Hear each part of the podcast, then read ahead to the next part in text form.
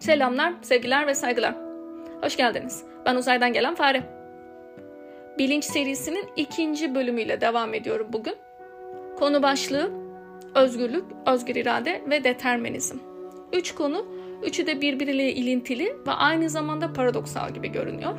Her birinin tanımlarıyla başlayacağım ve ardından çokça yanlış anlaşılan konulardan ve aynı zamanda hiç anlaşılmayan konulardan da bahsedeceğim. Hadi başlayalım.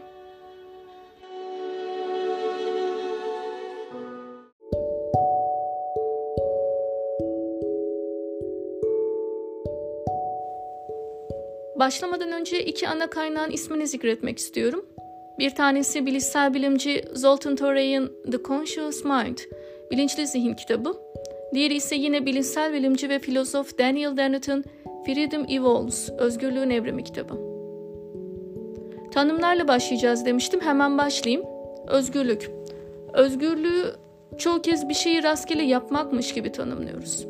Aslında temelde olan şey ise bir şeyin kesin olarak olmasının zorunlu olduğu durumlarda gerçekleşmesinin mümkün olmadığı, tam tersi yalnızca seçeneklerin olduğu durumlar için mümkün olma şartının sağlandığı bir durumdur. Bu da insanı hem özgür hem de tersi yapabilir. Kısaca belirli bir veri seti için yapılmış reddedişler bütünüdür. Yani özgürlük herhangi bir şeyi yapmama veya reddetme imkanına sahip olmaktır. Seçim imkanınız olmadığı bir konuda özgür olma ön şartınız da henüz oluşturulmamıştır. Öncelikle özgür olmak için gerekli ön koşulların veya ortamın sağlanması gerekir. Öte yandan özgürlük sizin önünüze gerek bilinçaltı beyniniz gerek dışsal sebepler tarafından sunulan seçenekler de değildir. Çünkü bunlar üzerinde tümüyle söz hakkınız olmayabilir. Bunu belirlemek de mümkün değildir. Hem de evrendeki hiçbir varlık için. Çünkü hiçbir varlık kendi oluşumuna tamamıyla kendi sebep olamaz. Onu oluşturan bir yapı olmasa, tesadüfi veya rastgele sebeplerle bile oluşsa, bu onu o konuda yeter sebep veya kendinden sebep yapmaz. Evrende her şey bir şeyi tetikler. Her şey birbiriyle ilişkisel bir bağ içindedir. Ne sebeple olursa olsun, isterse sebepsiz olsun. Bu da özgürlük dediğimiz şeyin de kısıtları olduğunu gösterir kısıtları ve sınırları olmayan herhangi bir şey özgürlük değildir.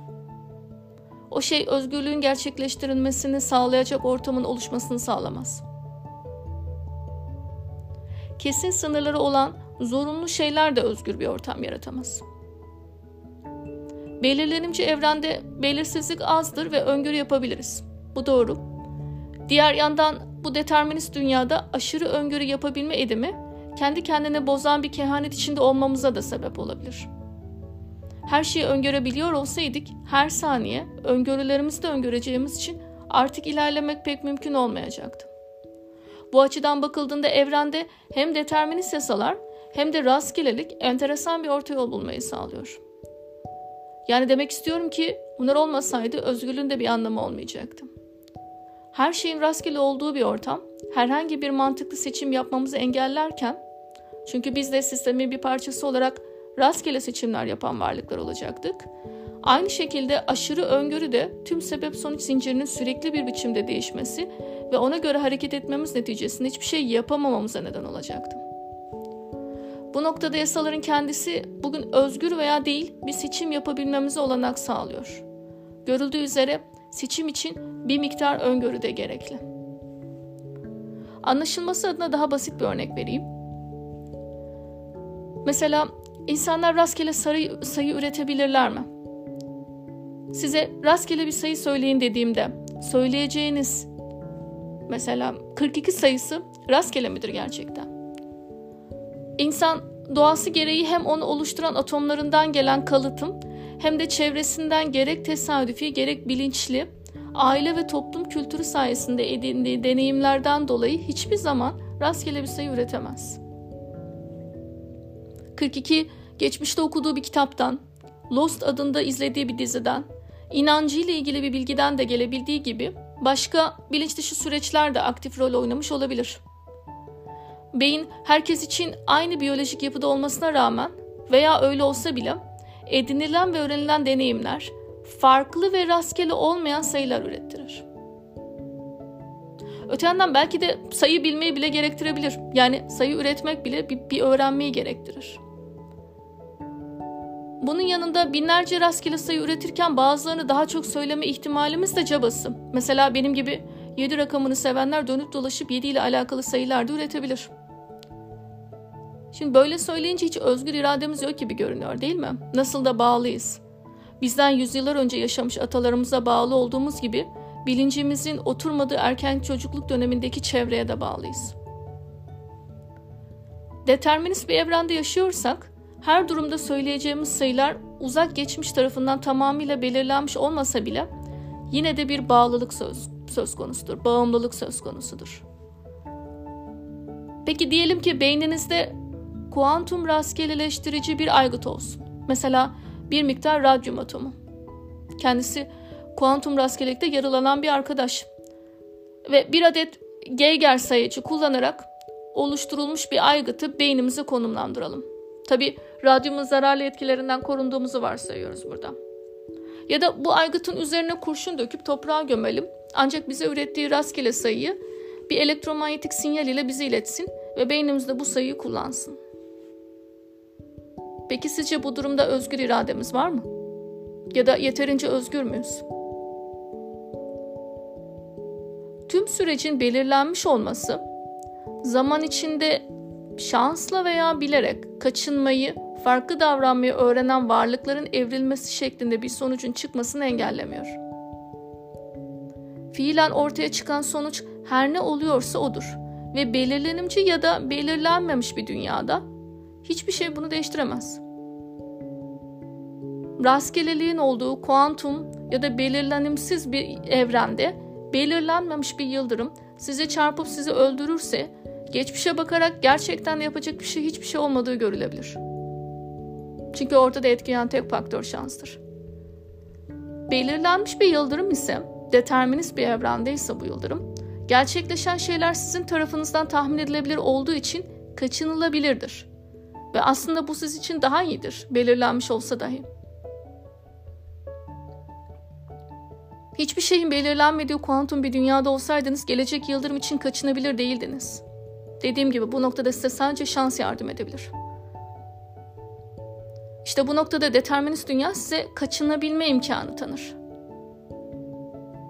O halde şimdi bu iki evren için biraz daha detaya girmek istiyorum. Belirlenimci yani determinist evren yapılan şey dışında bir şey yapılamayacağını, her olayın bir nedeni olduğunu ve varlıkların doğasının değişmez olduğunu söylemez aslında.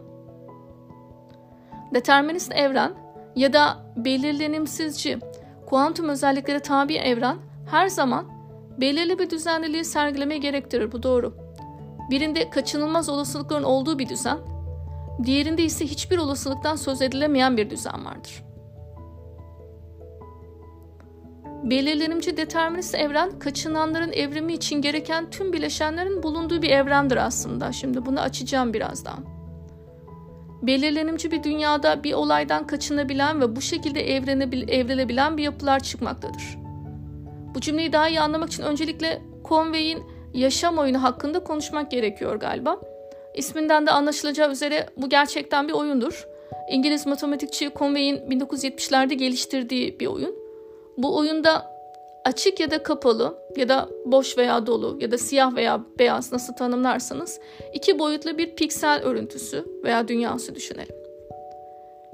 Her pikselin 8 adet komşusu vardır. Dördü kuzey, güney, doğu ve batıyı gösteren yakın komşular. Diğer dördü ise kuzey, doğu, kuzey, batı, güney, doğu ve güney batıyı gösteren çapraz komşular. Ve bu evrende, bu oyunda sadece üç kural vardır var olan her komşu için açık olan konumları say ve eğer cevap 2 ise hücre bir sonraki anda da aynı konumda kalacaktır. Yani açık ise açık, kapalı ise kapalı. Cevap 3 ise hücrenin durumu, konumu ne olursa olsun sonraki anda da açık konumda olacaktır. Diğer her cevap için ise hücre kapalı konumda kalacaktır. Biyolojik anlamda açık olma konumunu doğum, kapalı olma konumunu da hücrenin ölümü, birbirini izleyen her anı da sonraki nesil olarak düşünebiliriz. Bu yaşam evreninde üçten fazla komşu, yani fazla kalabalık olma durumu ve ikiden az komşu yani fazla yalıtık olma durumu ölümle sonuçlanır. Hepsi bu. Bu basit kurallar yaşam oyununun tüm fiziğini oluştururlar. Bu yaşamda zaman içinde bazı sabit veya tekrarlayan yapılar oluşacaktır. Örneğin dörtlü kare şeklindeki yapı açık komşuların sayısı 3 olduğu için her zaman aynı konumda kalacaktır. Flaşör adındaki bazı yapılar sürekli bir önceki konumuna döndüğü için tıpkı flaşör gibi yanıp söneceklerdir. Benzer şekilde kendini zaman içinde yenileyen, zarar görünce tekrar kendini tamir eden yapılar da ortaya çıkacaktır. Ve işte bunların hepsi bu üç kural sayesinde. Tek bir hücre düzeyinde bakmaz, hücrelerin piksellerin geniş kümelerine odaklanırsak eğer, ortada karmaşık yapıların görüldüğü, sadece açık kapalı fiziksel süreçlerin olmadığı yeni bir örüntü, yeni bir dil ortaya çıkar. Alt seviyede yani tek bir hücrenin açık kapalı olma durumu seviyesinde basit görünen şey, hiyerarşik olarak yukarı çıktığında karmaşık bir hal alır gibidir. Hücre bazında bir farklılık olmaz iken, yapılar bazında bir yapı başka bir yapıyı yok edebilir, hasara uğratabilir. Onun ölümüyle sonuçlanan şey fiziksel başlangıç düzeyinde pek bir şey ifade etmez. Bu düzeyde artık ölümler, bu üst düzeyde ise artık ölümler, hasarlar, doğumlar, savaşlar oluşur. Buraya kadar her şey sanki tekrarlayan, biriken şeyler, anlamsız olsa dahi tıpkı doğa yasaları gibi sonuçlar oluşturur. İşte böyle bazı yapılar kendini yenileyebildiği gibi bazıları yaşam boyunca değişmez. Bazıları tehlikeyi önceden haber alabilir. Neticede belirlenimci bir evrende yaşıyorlar. Bu oyun ile yaşam evrenin kendi evrimini ortaya koyabildiği görülmüştür aslında. Bu oyunun en temel sonucudur. Kanıtlayabildiği en temel gerçektir. Evren olasılıklarından birinde kaçınabilen, tehlikeyi öngören, içinde bulunduğu çevreden bilgi toplayan, o çevreyi değiştirebilen, kendini de değiştirip geliştirebilen bir yaşam dünyası oluşabilmekte. Ve bu, bu dünyayı bu oyun ile ilkesel olarak kanıtlayabilmişizdir. Aynı şekilde bu oyun ile bütünün parçalarından farklı olabileceği, emergent property olabileceği, hatta bütünün parçalarından daha özgür olabileceği de gösterilebildi. Demin de belirttiğim gibi bu evrende evrimleşmiş yapılar olabileceği gibi elbet yapısal olarak kaçınmayan sabit yapılar da olacaktır. Bizim evrenimizden örnek verirsek mesela taş. Aynı şekilde kaçınmanın mümkün olmadığı durumlar da vardır. Bunun sebebi yetersizlik olduğu gibi kaos da olabilir. Belki de bu yapılar en şanslılardır. Belki de bu özellikleri sayesinde nesillerine daha çok devam ettirirler. Bunu bilmiyoruz. Şimdi en başa dönersek genel kanı neydi? Belirlenimcilik varsa kaçınma mümkün değildir. Evrimleşme, değişim, gelişme mümkün değildir. Çünkü her şey belirlenmiştir. Ancak hem yaşam oyununda görüldüğü gibi kaçınılabilen, belirlenimci evrenlerde de kaçınılabilmek mümkündür. Hem de gerçek yaşamda da bu böyledir. Şimdi şöyle düşünülebilir. Kaçınan yapıların oluşması, onların evrilebilmesi daima gerçekleşecek bir kadere tabidir. Yok olmadan önce birçok şeyden kaçınabilmişse, yaşanacak yaşam tam da budur. Kaçınanların kendisi şansı değildir, her şey belirlenmiştir. Pekala böyle düşünülebilir. Aslında kaçınabilmek, yaşam oyunda da görüldüğü gibi tamamıyla şanstır. Doğru. Elbette ki belirlenmiş kurallara tabidirler. Ancak bazıları o kurallara göre sabit değişmez yapılar olarak kalırken bazıları da kaçınabilir ve evrilebilirler ve böylece hayatta kalma şanslarını artırırlar. Bu sabit yapılar ile evrilen yapıların olması tamamen şanstır ve istatistiksel olarak hepsinden bulunur. Tıpkı aynı atomlardan oluşan canlı bir madde ile cansız bir madde arasındaki fark gibi. Bazı dizilim farklılıkları buna sebep olabilir. Mesela kömür ve elmas gibi. Görüldüğü gibi yaşam evreni, yaşam oyunundaki bu evren aslında istatistiksel olarak bu farklılıkların oluşmasına imkan tanır. Peki belirlenmiş bir kaçınmanın neden gerçek bir kaçınma olmadığı düşünülür? Neden? Kaçınan birey yapısı gereği çevresindeki enformasyonu toplar ve onu yavaş yavaş her seferinde daha ileriye gidecek şekilde kendini geliştirebilir. Gelecek bir tehlikeyi öngörebilir. Örneğin bizim dünyamızdan bir örnek verilirse bir hayvan yaklaşan fırtınadan yağmurun geleceğini anlayıp kaçınabilir. Başka bir hayvan zaman içerisinde çevreye adapte olmak ve hayatta kalabilmek için kendisini yemeye gelen hayvanlardan kaçınmayı öğrenebilir. Süreç içinde pek çok yok olan tür olabileceği gibi içlerinde tesadüfi olarak kendini geliştirip yaklaşan tehlikeden kaçınabilen, kaçınabilenler de olacaktır. Tüm sürecin belirlenmiş olması zaman içinde kaçınmayı öğrenen, bunu şansla veya bilerek öğrenen varlıkların evrilmesi şeklinde bir sonucun çıkmasını engellemiyor gördüğünüz gibi. Sonucu değiştiren bir kaçınma eylemi olmadıkça, yani belirlenmiş bir kaçınma, fiilen sonucu değiştirmeyeceği için gerçek bir kaçınma sayılmayacağı düşünülebilir hala. Fakat sonucu değiştirme düşüncesi tam da belirlenmiş kaçınma durumunda gördüğümüz gibi öngörülen sonucu değiştirme anlamına gelmedikçe anlamsızdır. Gerçek sonuç, fiilen ortaya çıkan sonuç her ne oluyorsa odur ve belirlenimci ya da belirlenmemiş bir dünyada hiçbir şey bunu değiştiremez. Demin de dediğim gibi belirlenmemiş bir yıldırım size çarpıp öldürürse geçmişe bakarak gerçekten yapacak hiçbir şey olmadığı görülür. Belirlenmiş bir yıldırım ise gerçekleşen şeyler sizin tarafından tahmin edilebilir olduğu için kaçınılabilirdir ve bu sizin için daha iyidir.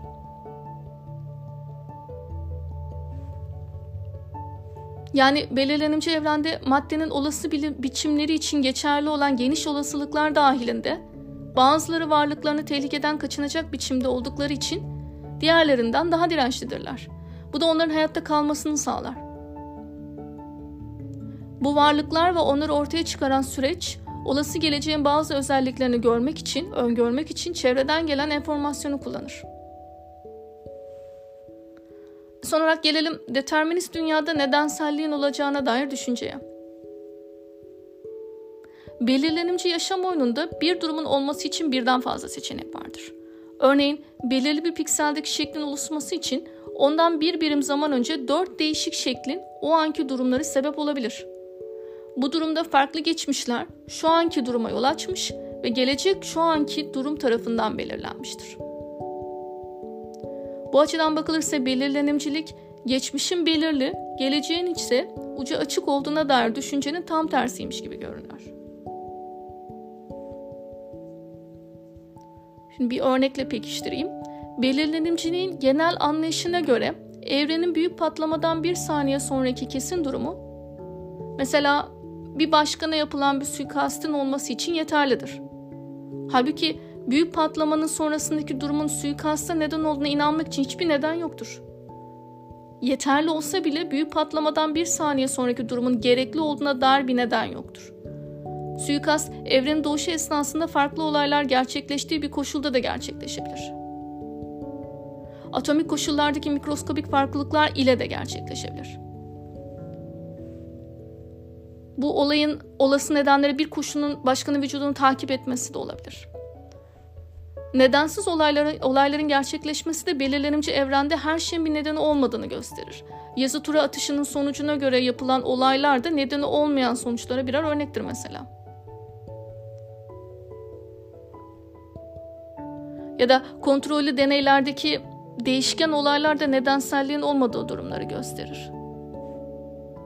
Birinci Dünya Savaşı'nın nedeni bir evrende Ferdinand'ın suikasta uğraması olacağı gibi başka bir evrende Ferdinand belki kurtuluyordur. Ancak yine de Birinci Dünya Savaşı başlamıştır. Savaşın kompleks bir nedeni olabileceği gibi bir aslantı da olabilir. Yani belirli belirlenmiş bir durum için hiçbir gerekli koşul olmayabilir. Bu zorunlu değildir. Ancak yine de nedeni olabilen olaylar için nedenini bulmak, sonuca dair bir şeyler üretme imkanı tanıdığından dolayı faydalı olabilir.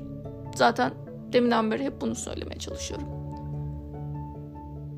Yaşam oyununda piksel seviyesine bakıldığında her şey fizik kurallarına uygun işler. Onlar en başta belirlenen 3 kurala uygularlar ve sağa sola ilerlerler.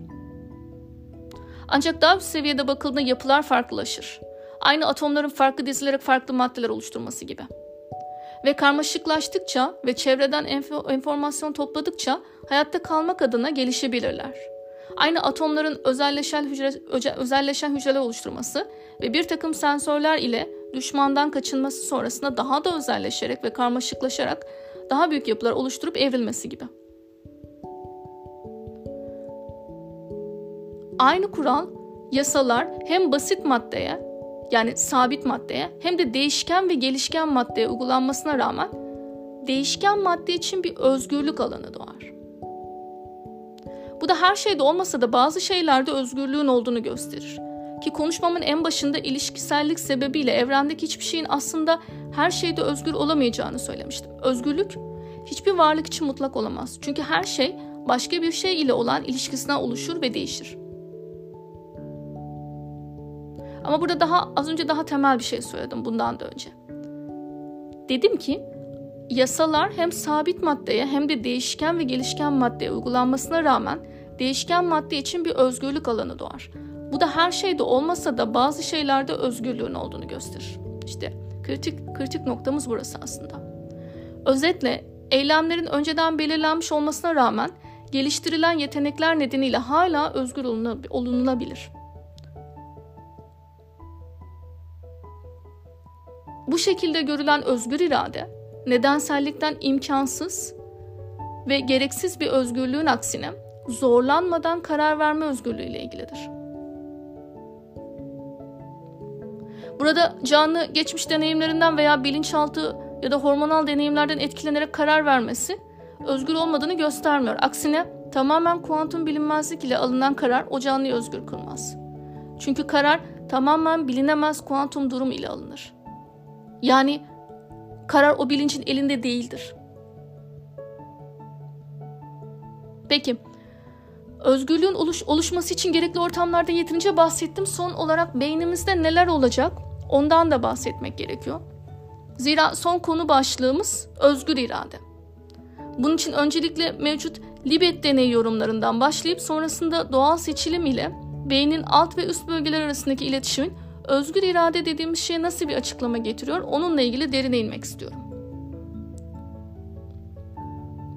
Libet deneyinin klasik yorumu bir eylemin başlatılması ve hazırlık aşamasının onu bilinçli seviyede istemememizden daha önce oluştuğunu söyler. Bu farkındalık noktasından önceki 400-500 milisaniyelik ya da yarım saniyelik süre hazırlık potansiyeli olarak geçer. Şimdi nedir? Ne demek istiyorum burada? Hemen başa saralım. Nörofizyolog Benjamin Libet'in bilinçli farkındalık üzerine yaptığı bir dizi nörolojik deney vardır. Bu deneylerin ilkinde Libet, deneklerin talamusuna yerleştirmiş olduğu elektrotları kullanarak saniyede 72 atımlık zayıf elektriksel uyaranlar gönderir. Bu şekilde talamusun belirli kısımlarının uyarılmasıyla dokunsal uyaranları taşıyan nöral yolakların etkinleştiği ve bu şekilde de bir dokunma duyusu üretildiği gösterilmiştir. Şaşırtıcı olansa böyle zayıf uyaranların bilinçli duysal deneyim üretebilmesi için uygun etkinliğin daha uzun süre boyunca sürmesinin gerekiyor olması. Bu süreye de 500 milisaniye olarak bulmuştur. Yani yarım saniye kuralı. 150 milisaniye ve altı farkındalığın eşlik etmediği bir duyusal dokunmanın saptanması için yeterliyken bilinçli olması için bu sürenin en az yarım saniye boyunca sürmesi gerektiği ortaya çıkmıştır. Yaptığı ikinci deney ise özgür irade tartışmalarında yaşandığı meş- meşhur deneydir. Burada deneklerin bilinçli iradesini de deneye katmak ister. Deneklerden istedikleri bir anda parmaklarını havaya kaldırmalarını ister. Denekler parmağını havaya kaldırma eylemine karar verdiği anı önlerinde bulunan bir çeşit saate bak- bakarak not alacaktır veya söyleyeceklerdir. Deney esnasında Libet, deneklerin kafalarına yerleştirilen elektrotlar ve EEG yöntemini kullanarak beyin aktivitesini ve saat düzenindeki noktanın bulunduğu anı tespit ederek karar verme anını ve parmağın havaya kaldırılış anını ölçer. Sonuçlara göre parmağı havaya kaldırma anı ile beyin aktivitesinin arasındaki süre minimum 550 milisaniye. Karar verme anı ile motor hareket yani parmak kaldırma anı arasındaki süre ise 150 milisaniye kadar ölçülmüştür. Libet'in hazırlık potansiyeli adını verdiği 350-500 milisaniyelik civarı olan bu süre pek çok bilim insanı tarafından karar verme anı ile beyin aktivitesinin başladığı an olarak belirtilmiş ve bu süre bilincin olmadığı an olarak değerlendirilmiştir. Peki gerçekte öyle midir? Özgür irademizin olmadığı bilinçsiz bir karar mı söz konusudur? Bu noktada Daniel Dennett ve Patricia Churchland bilinçsel bilinçli farkındalığın zaman alması gerektiği ve bu hazırlığın da bilinç için gereken hazırlık olduğunu söylerler. Örneğin Churchland'ın Libet'in deneyine benzer gerçekleştirdiği bir deneyde deneklerden önlerinde bulunan ışığın rastgele yandığı anı fark edip düğmeye basmaları istenmiştir. Deney sonuçları düğmeye basılan sinirsel motor hareketin 50 ila 150 milisaniye arası süren motor aktivitesi çıkartıldıktan sonra kalan sürenin yaklaşık yarım saniye olduğunu göstermektedir. Bu süre demin de bahsettiğimiz bilinçsiz hazırlık süresidir. Yani beynin ışığın yanmasına dair veriyi toplamış, yani beyin ışığın yanmasına dair veriyi toplamış, görme bölgesine değerlendirmiş ve bilinçli seviyede sonucu kavrayıp düğmeye basma kararı almıştır. Önceden gerçekleşen bu hazırlık, ışığın yanmasının bilinçli seviyede farkında olunması için gereken hazırlıktır. Bu açıdan bu açıklama bir yandan da bilincin kesitli, kesintili bir süreç olduğunu da ortaya koyar. Bunu başka bir seride, başka bir bölüm ile anlatacağım. Gelelim asıl açıklamak istediğim yoruma. Bu açıklama Libet deneyinin devamında yatıyor aslında. Buna göre Libet bir farkındalık noktasına gelindikten sonra eylemin hayata geçirilip motor sisteme emrin verilmesi için yaklaşık 200 milisaniyenin daha geçmesi gerektiğini söyler ya da gösterir. Libet bu süreyi eyleme istersek ket vurabileceğimizi ya da iptal edebileceğimizi söyleyerek açıklar. Bu süre bilinç dışı belirlenmiş eylemi iptal ettirmek ya da devam ettirmek için bir fırsattır. Libet bunu güçlü veto işlevi olarak görür. Bizler göründüğü kadarıyla bir eylemi başlatmaktan çok onu kontrol etmek şeklinde bir veto hakkına sahibiz şeklinde bir tür serbest seçimi savunur. Şimdi açıklayacağım bir başka açıklamaya göre 200 milisaniyelik bu fırsat aralığı insan beyninin işlevsel otonomisinin önemli bir bileşeni olduğunu ortaya koyar. Bilinçli zihnin yarattığı seçenekler, bu seçenekleri seçmekten sorumlu ilkel beyin sapı ve, limbik sisteme bu 200 milisaniyelik aralık içinde sunulur ve Darwinci bir seçilim işlem devreye girer. Bu seçilim programına göre ya da bu seçim programına göre korteks seçenekleri ortaya koymasına rağmen en avantajlı seçimin gerçekleştirilmesi için baz alınacak kriterler beyin sapı ve, ve limbik sistem tarafından seçilir. Hemen açıklayalım. Korteks daha bilinçli süreçlerin gerçekleştiği ve en son gelişmiş beyin katmanı. Beyin sapı ve limbik sistem ise daha arkaik katmanlardır. Bir başka ifadeyle bu model beynin zihinsel olarak yaratılan alternatif eylem alternatiflerini bilinç dışı karar mekanizma sürecini Darwin seçilim mekanizmalarıyla uyuşturur.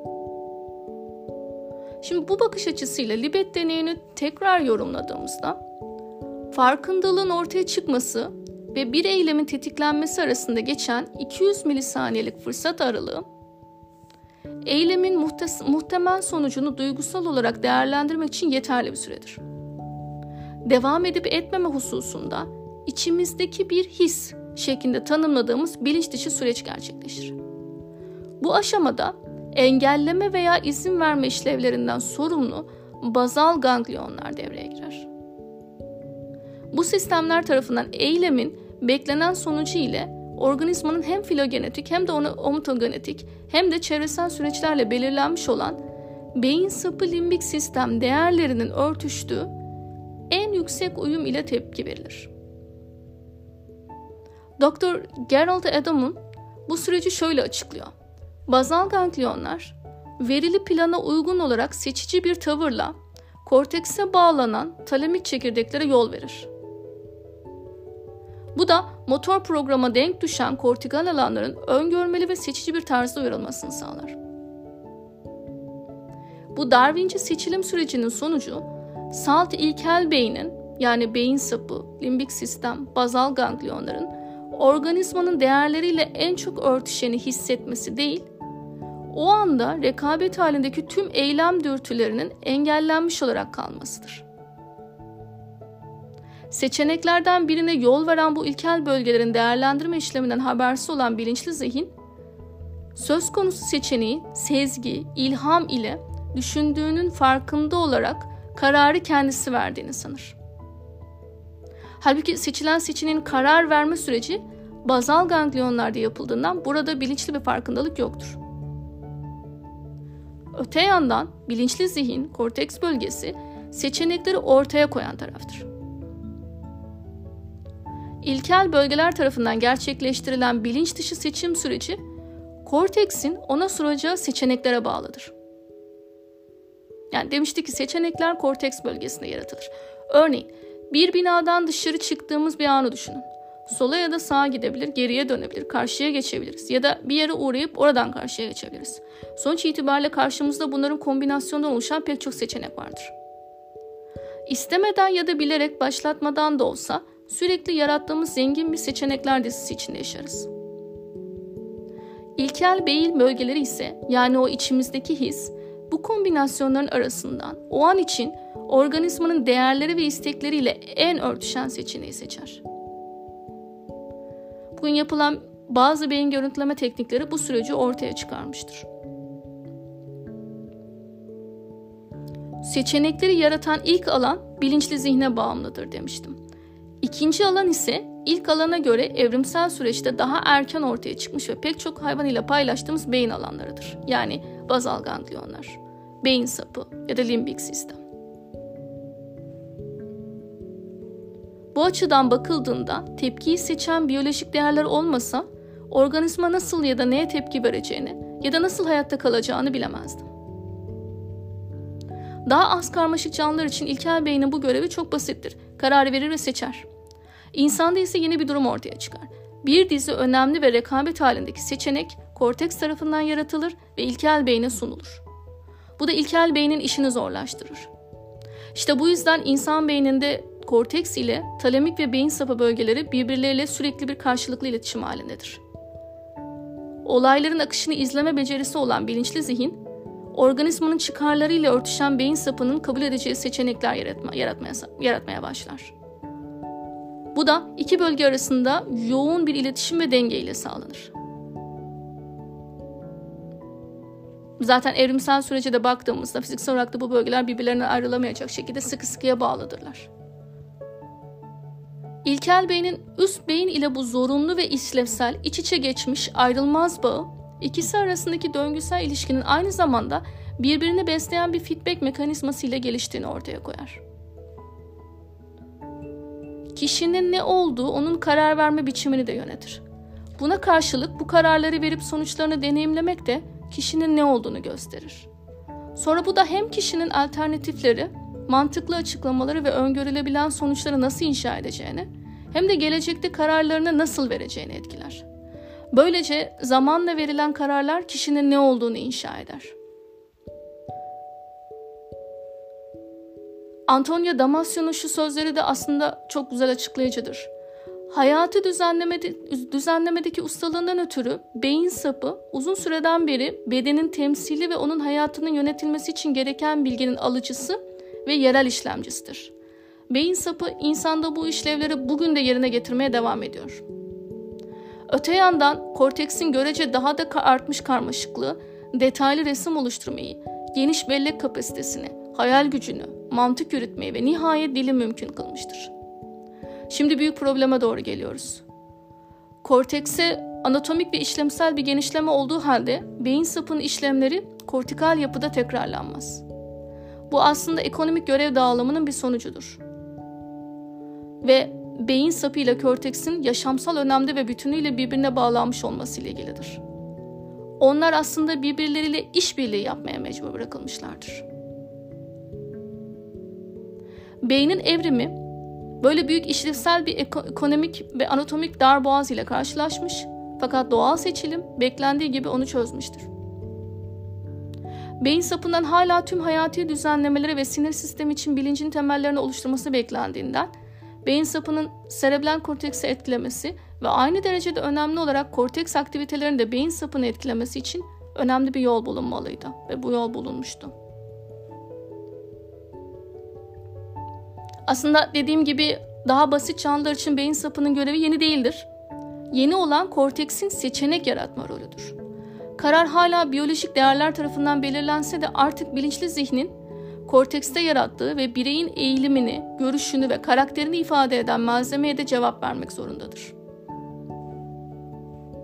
Karmaşık bilgiler yaratan bilinçli zihin artık eylemlerinin sonuçlarının da nedensel eş belirleyicisidir. Genellikle determinist olan bir evrende sahip olunan tek özgürlük budur.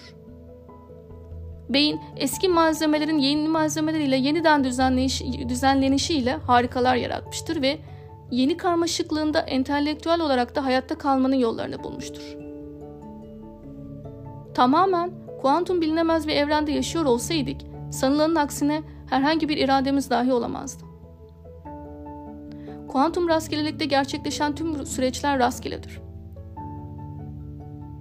İçinde bulunduğumuz evren ise genellikle belirlenimci bir evrendir. Kendi içinde tutarlı, öngörülebilen yasalara sahiptir.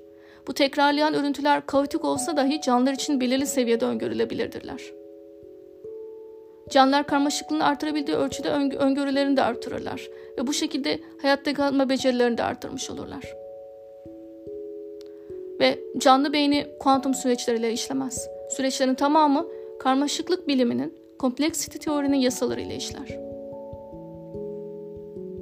Son olarak bu yeni model yani bilinçli beynin, bilinçli zihnin seçenekler yarattığı ve bu seçenekleri yaratırken de tüm o bizim karakterimizden, geçmişimizden ve başka seçeneklerden geldiği.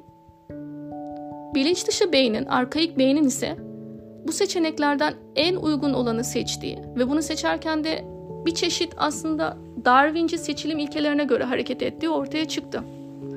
Şimdi bu yeni model bilinç dışı süreçlerin de tıpkı bilinçli süreçler gibi biz olduğunu, bize ait olduğunu söylüyor aslında.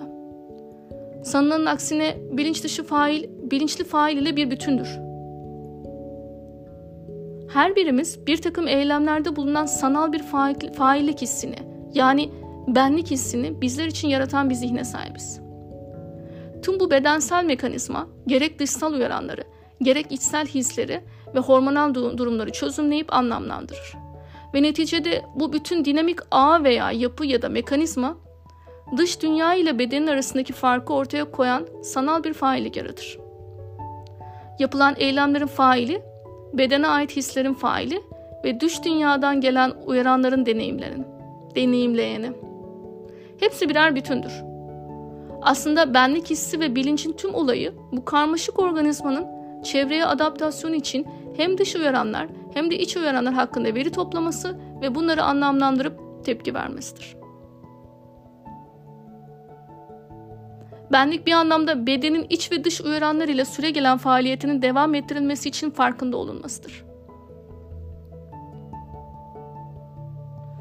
İlkel benliğin ilk ortaya çıkışı ve tanımlanabilir bir deneyim haline gelmesi beynin kendine istemli motor erişimi sağlamasıyla olur. Böylece beyin bedensel faaliyeti tanımlar ve onun farkında olur.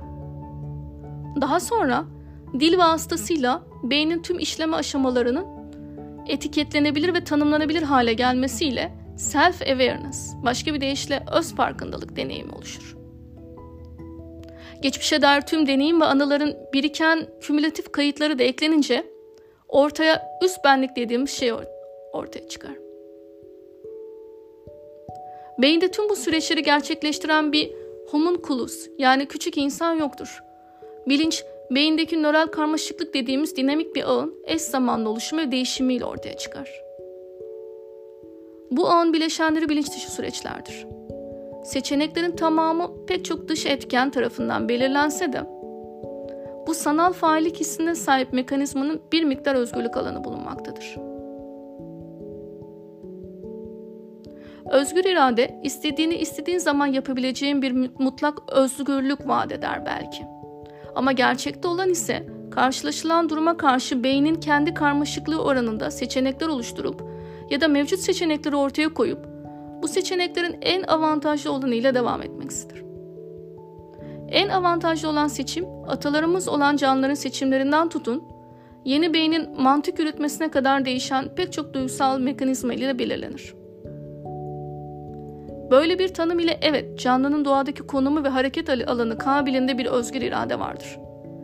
Bu irade ister bilinç dışı mekanizmalar ile ister bilinçli zihin mekanizmaları ile birlikte gerçekleşmiş olsun, eylem kararını veren zihin ve bedenin tamamıdır. Yani dediğim gibi beynin içinde oturan bir küçük insan yoktur. Homunculus yoktur. İster farkında olalım ister olmayalım arka planda çalışan karmaşık bir mekanizma vardır ve bu mekanizma işbirliğiyle kendi seçeneklerini ortaya koyup kendi kararlarını verebilir. Son olarak şunu unutmamak gerekir ki limbik sistemin hormonal alanlarına ya da diğer ilkel beynin, beyin sapı, bazal ganglionların alanlarına dokunamasak da kritik ve eleştirel düşünce ile korteksin epigenetik gelişimini her zaman sağlayabiliriz. Ve bu şekilde ortaya konacak olan o seçenekler var ya o seçeneklerin de çeşitliliğini artırabiliriz. Küçük bir örnek. Ani öfke patlamalarında prefrontal korteks gelişmişliği uyarınca yani ne kadar gelişmişse amigdalanın etkinliğini her zaman düzenleyebilir. Tekrar görüşmek dileğiyle. Selamlar efendim.